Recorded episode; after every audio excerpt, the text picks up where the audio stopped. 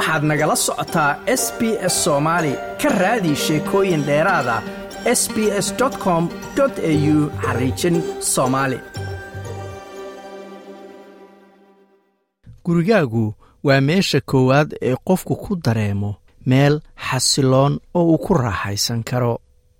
Laakiin dareenkaas degganaanshaha iyo xasiloonnida ayaa daciifi kara ama gebi ahaanba lumi kara haddii aadan heshiis la ahayn deriskaaga. Mararka qaarkood habdhaqanka iyo falka deriska ayaa saamayn xun kugu reebi kara. Warbixintan waxa ay ka mid tahay barnaamijyadii degganaanshaha waxaana ku falanqaynaynaa waddooyinka ama dariiqyada xalka lagu heli karo iyo sidaad u go'aansan lahayd sida ugu fiican ee aad ula xaali lahayd hadday kula soo gudboonaato xaalad aadan jeclaysan ee adiga iyo deriskaaga dhex marta ama ku noolow magaalooyinka yaryar ee dalka adoo deggan guri weyn oo daarad damba leh ama ku noolow guryaha dabakhyada oo abaartimentiyada leh ama ku noolow xaafadaha caadiga ah ee magaalooyinka waaweyn. Murankaala dhex mara deriskaagu waa wax imaan kara mar walba. Sida ay leedahay barbara macdonald oo ah brofesoro sharciga ka dhigta jaamacadda sydney muranku wuxuu dhacaa inta badan marka ay dhacdo ka timaado meesha aad ku nooshahay iyo daruufaha nolosha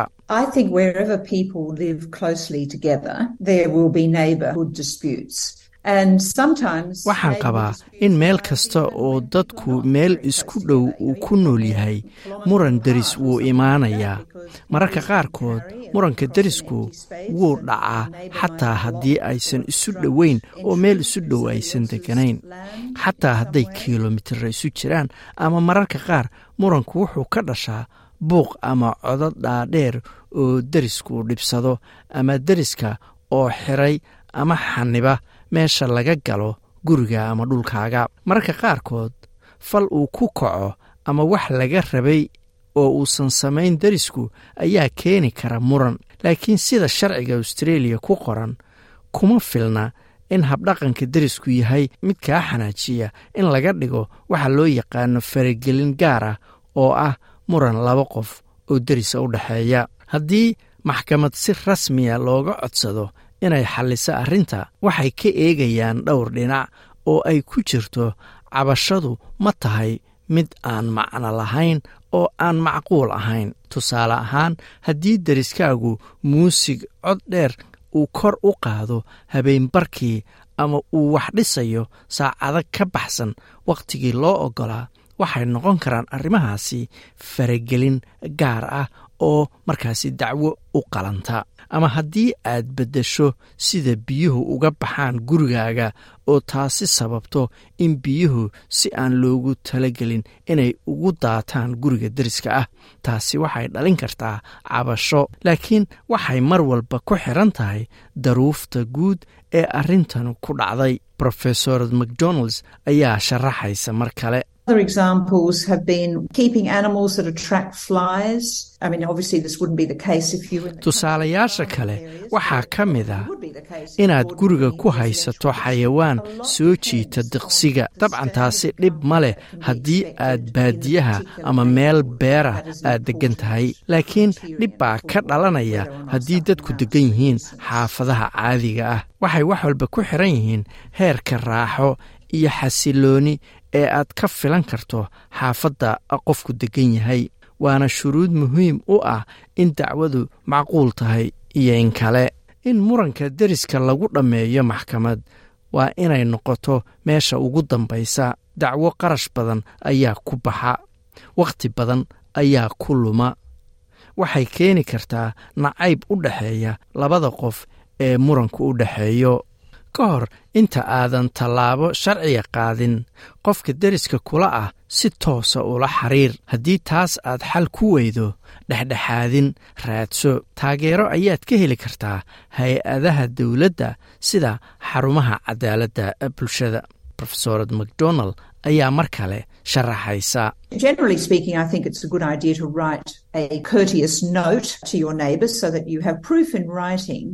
Marka guud ahaan loo hadlayo waxay ila tahay inay fikrad fiican tahay in qoraal xushmad leh aad u qorto deriskaaga si aad caddayn ugu hesho inaad deriskaaga la socodsiisay dhibka aad ka tirsanayso. Taas ayaa mar walba ah waxa ay tahay in tallaabada ugu horreysa ay noqoto in laysku dayo in lala socodsiiyo qofka deriska ah in dhib jiro. Fursadna loo siiyo qofkaas deriska inuu wax ka qabto arrinta. Haddii xaaladdu ka sii darto ama aysan waxba ka qaban waxaan qabaa in markaas la doono cid markaasi inay dhexdhexaadisa melissa hayley waa madaxa adeega xal u raadinta khilaafyada oo fadhigeedu yahay kambara waana hay'ad aan faa'iida doon ahayn oo dadka dhexdhexaadisa. Waxay sheegtay in dadka muran deriska la kulma ay dhexdhexaadintu faa'iido badan u tahay marka loo barbardhigo qaababka kale ee lagu xalliyo murankaasi. Sababtuna waa in nidaamka dhexdhexaadinta ay ku jirto in la ogaado waxa muranku yahay lagana caawiyo labada dhinac inay fahmaan sababta marka horeba uu murankani u soo baxay. Waxay sidoo kale ka caawisaa derisku inay ka wada hadlaan sida khilaafku labada dhinac u saameeyey iyo sida loo xaliyo ama in wax laga qabto khilaafyada kale ee mustaqbalka soo bixi kara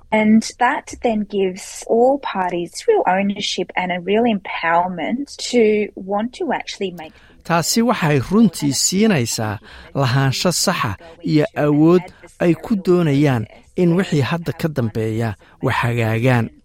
Mana aha wax aad heli karto marka aad gasho nidaam la iska soo horjeedo oo hal qof uu go'aan ka gaarayo wixii la hor keenay.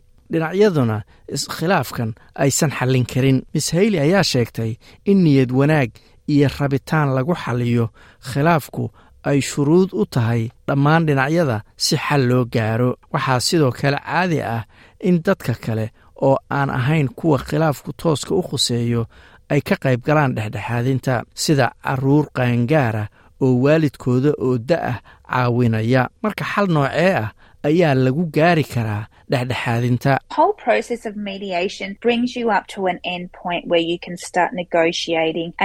Nidaamka dhexdhexaadintu wuxuu ku geynayaa dhammaadka oo ah inaad bilowdaan wada hadal oo aad isku afgarataan natiijada ka soo baxda wadahadalkaasi.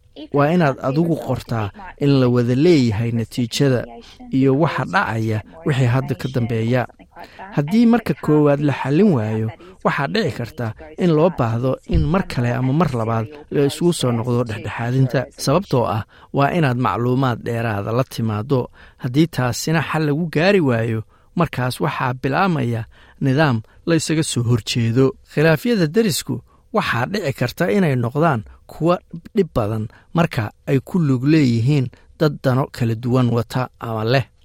Tani inta badan waxay ka dhacdaa marka dadku ku nool yihiin guryaha dhaadheer ee abaartamentooyinka ah. Markii jaminda karimetidua uu ku noolaa sydney abaartamento uu deganaa waxaa biyo uga soo da'een baalkooniga deriska. Maalin maalmaha ka mid a ayaa baaritaan la samaynayay iyada oo aan digniin dadka loo dirin ama loo sii sheegin dadkii kale ee deganaa dhismaha baaritaanka waxaa ka mid ahaa in dareere lagu shubo baalakooniga ma ahayn dareero dhibaato keenaya oo ama sun ah laakiin midab guduudan ayuu lahaa marka maalin ayaan guriga nimid annagoo shaqo ka nimid. Waxaan aragnay saqafkii oo guduudan. Dareere guduudan ayaa ku soo da'ay saqafka oo guriga kale ee dariska nala ah ka soo da'ay. Waan baqnayba maynaan hubin waxay yihiin waan argagaxnay master kiriwatudua ayaa sheegay inuu la xiriiray maamulka dhismaha markii hore laakiin wuxuu sidoo kale tala weydiisay hay'adda xuquuqda macaamiisha ee la yidhaahdo new south wales fair trading ee gobolka new south wales. In xal la helo dhib badan ayaa lagala kulmay maadaama deriskii baarayay biyaha ama dareeraha daadanaya uu xubin ka ahaa guddiga maamulo dhismaha. Inkasta oo ugu dambayntii magdhow laga siiyey khasaarihii gaaray master kiriwatudua ayaa sheegay in wakhti dheer ay qaadatay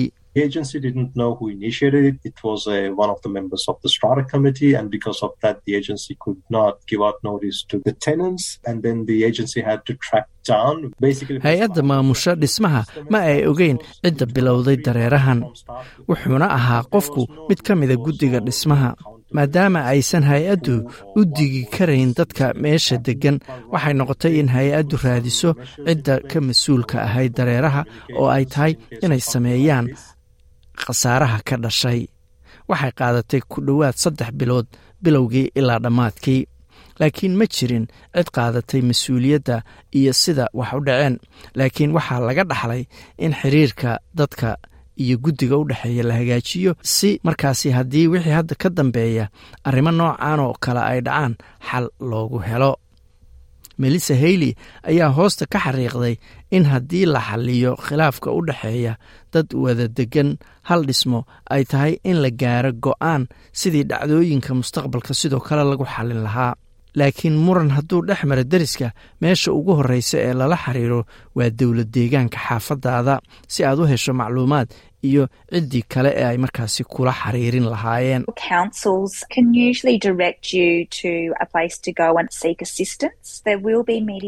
Golaha deegaanka xaafadaada ayaa caadiyan kuu diri kara meesha aad caawimaad ka heli lahayd.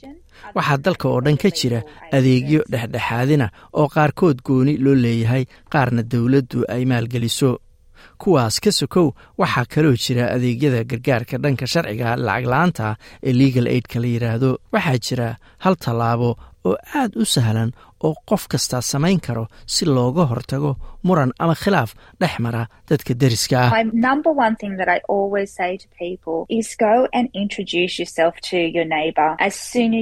Midayda koowaad ee aan mar walba dadka u sheego waa inay deriska u tagaan oo isbaraan dadka deriska sida ugu dhaqsaha badan marka ay xaafadda soo degaan ama derisku uu soo dego. Macnaheedu ma aha inaad saaxiibba aad isugu dhow noqotaan laakiin inaad isbarto runtii wax weyn ayay wakhtiga dheer beddelaysaa ayay tiri. Like aas la wadaag wax ka dheh lana soco barta facebooka ee sb s